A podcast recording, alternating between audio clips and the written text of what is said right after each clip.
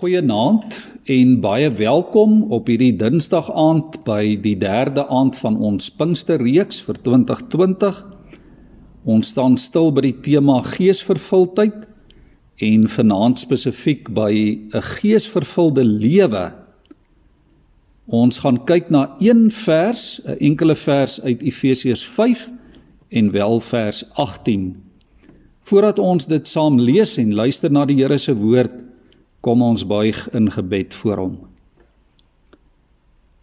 Ons almagtige hemelse Vader, Here, dankie dat ons die voorreg het om op hierdie wyse rondom u woord bymekaar te kom. Here, dankie vir tegnologie wat u vir ons gee wat dit ook moontlik maak. Dankie Here dat ons kan deel in die gemeenskap van die gelowiges ook op hierdie manier. Here ons bid vanaand vir baie mense wat nie hierdie geleenthede het wat ons het nie. Baie mense wat smag na u woord, na die waarheid. Here, ons wil bid dat u vir ons aan wie u die waarheid toevertrou het en aan wie u u woord bekend gemaak het.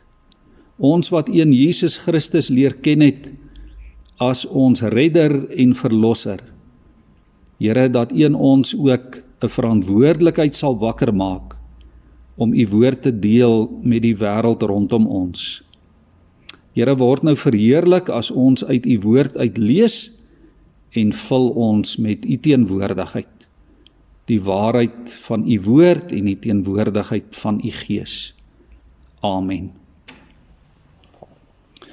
Paulus sê in Efesiërs 5 vers 18 moet julle nie aan drank te buite gaan nie. daarmee gaan losbandigheid gepaard. Nee, laat die Gees julle vervul.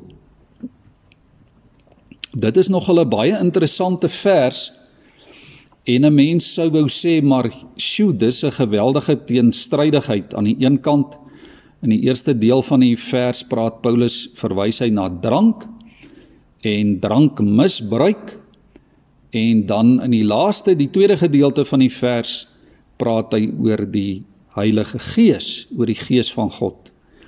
'n kontras in hierdie vers.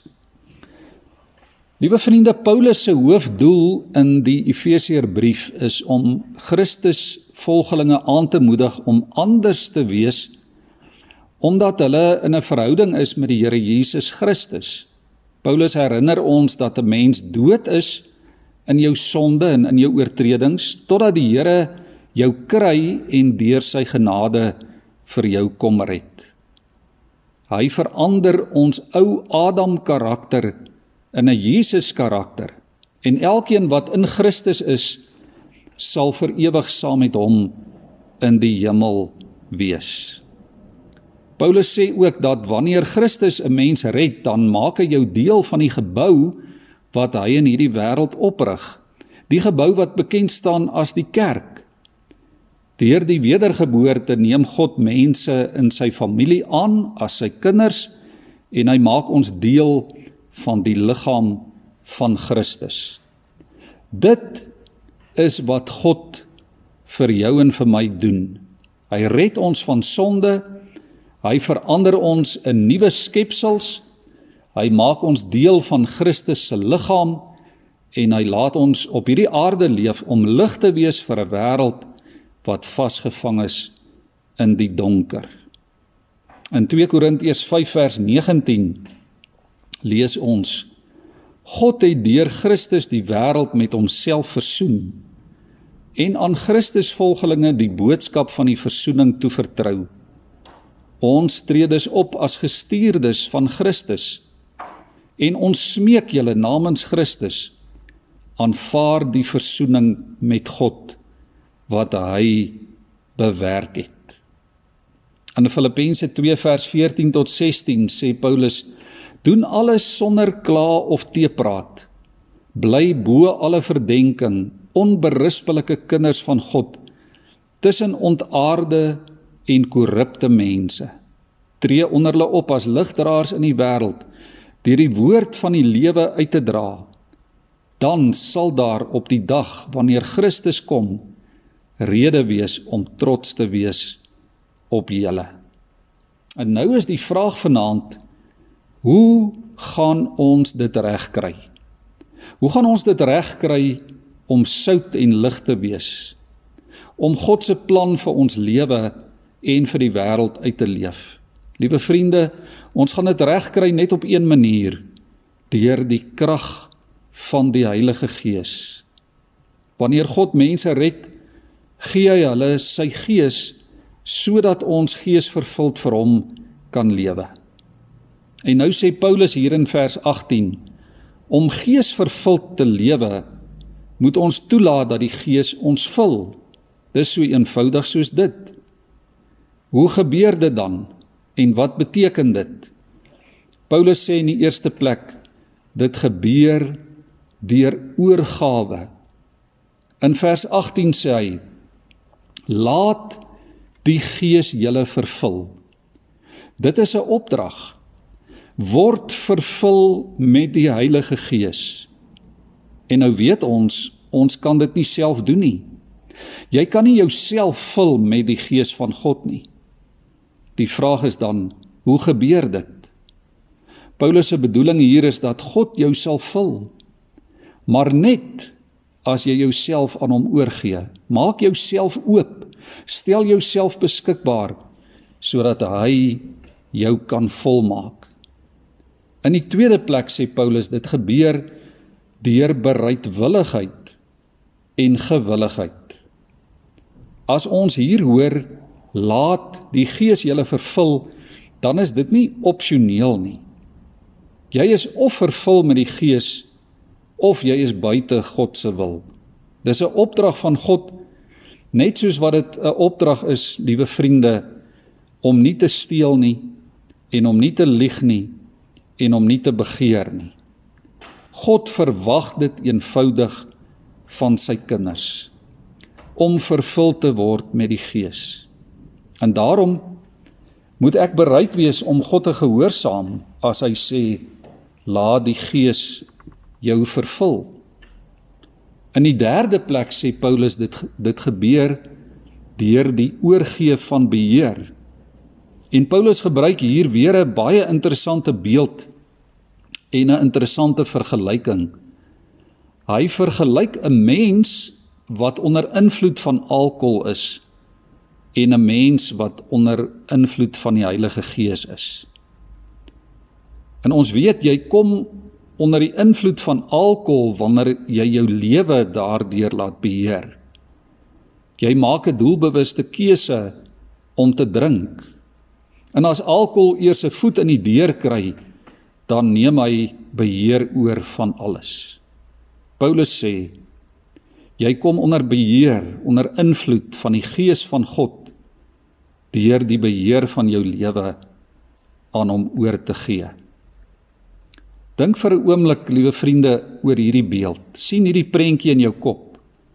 Hoe dat alkohol 'n mens se lewe oorneem. Die manier hoe iemand praat word oorgeneem. Die manier hoe iemand dink, hoe hy loop, hoe hy optree.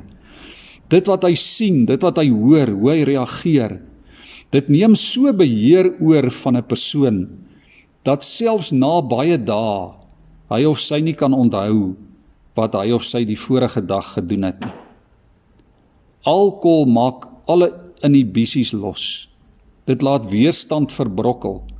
Dit neutraliseer die vermoë om te onderskei tussen reg en verkeerd.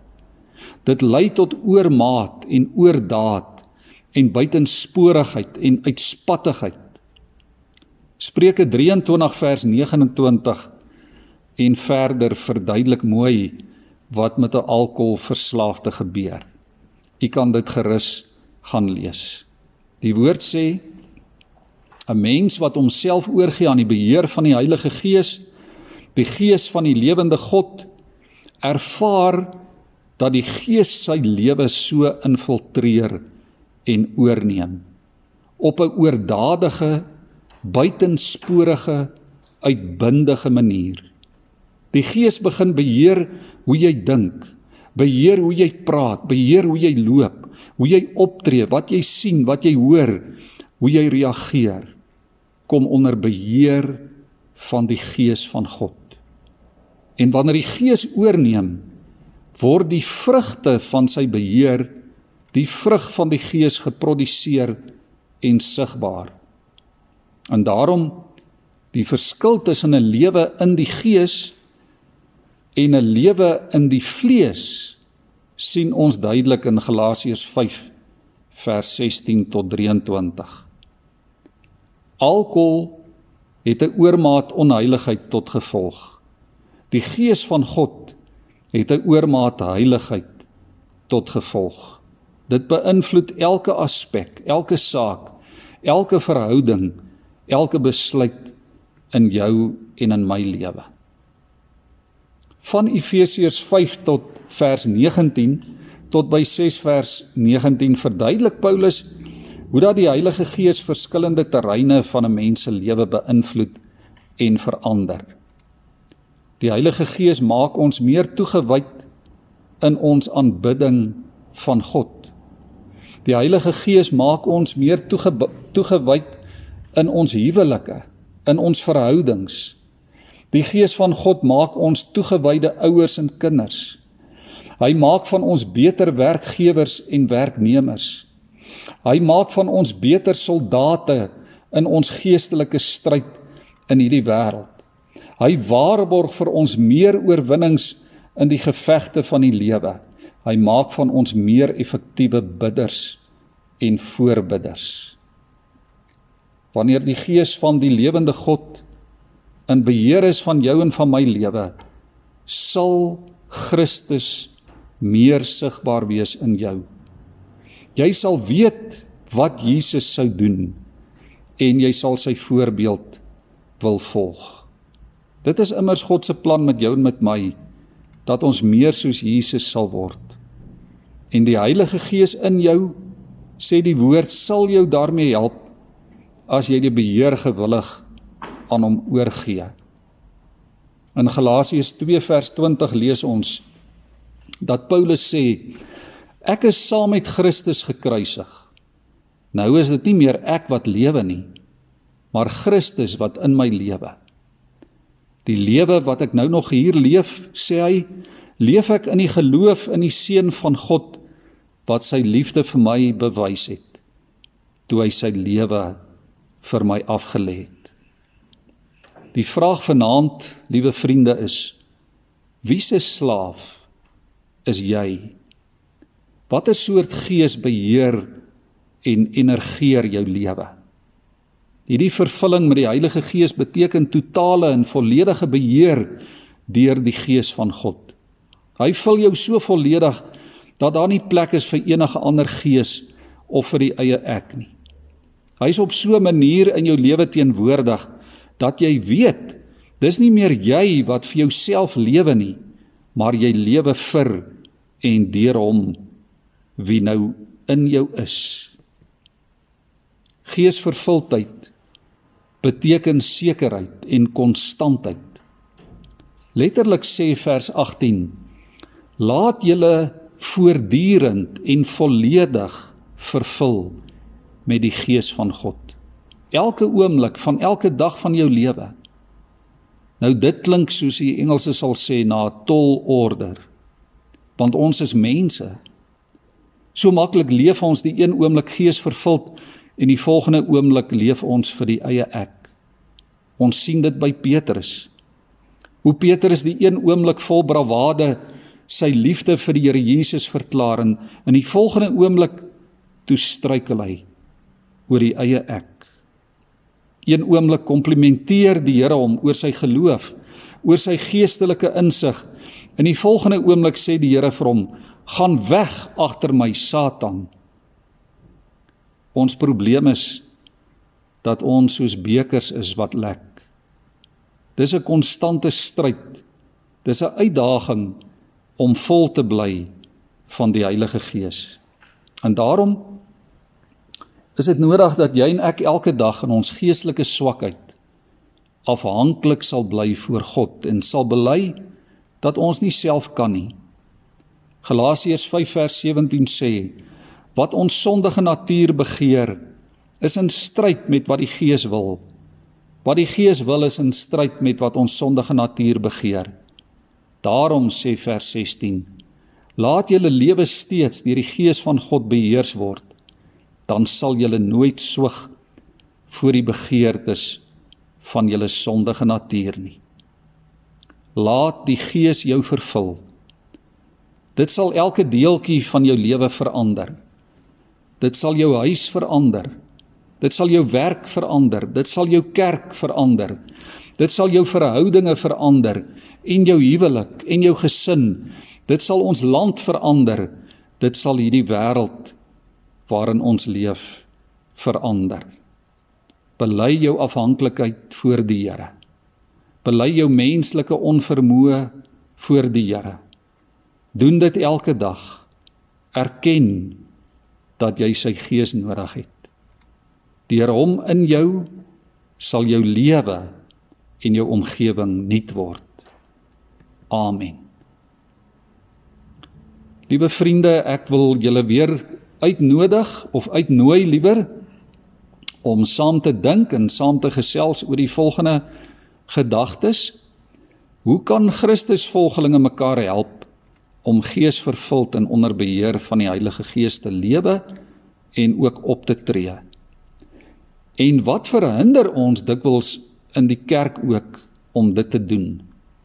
Hoe kan ons die situasie aanspreek en dit dalk verander? En dan is u baie welkom om geleentheid te gee vir gebed in u groep of om persoonlik stil te word in stil gebed voor die Here. Ek wil vra dat ons vanaand spesifiek ook sal dink oor die boodskap, sal bid dat die Heilige Gees dit prakties in jou lewe sal vasbind. Bid ook vir persoonlike behoeftes en vir die nood en behoeftes in julle omgewing.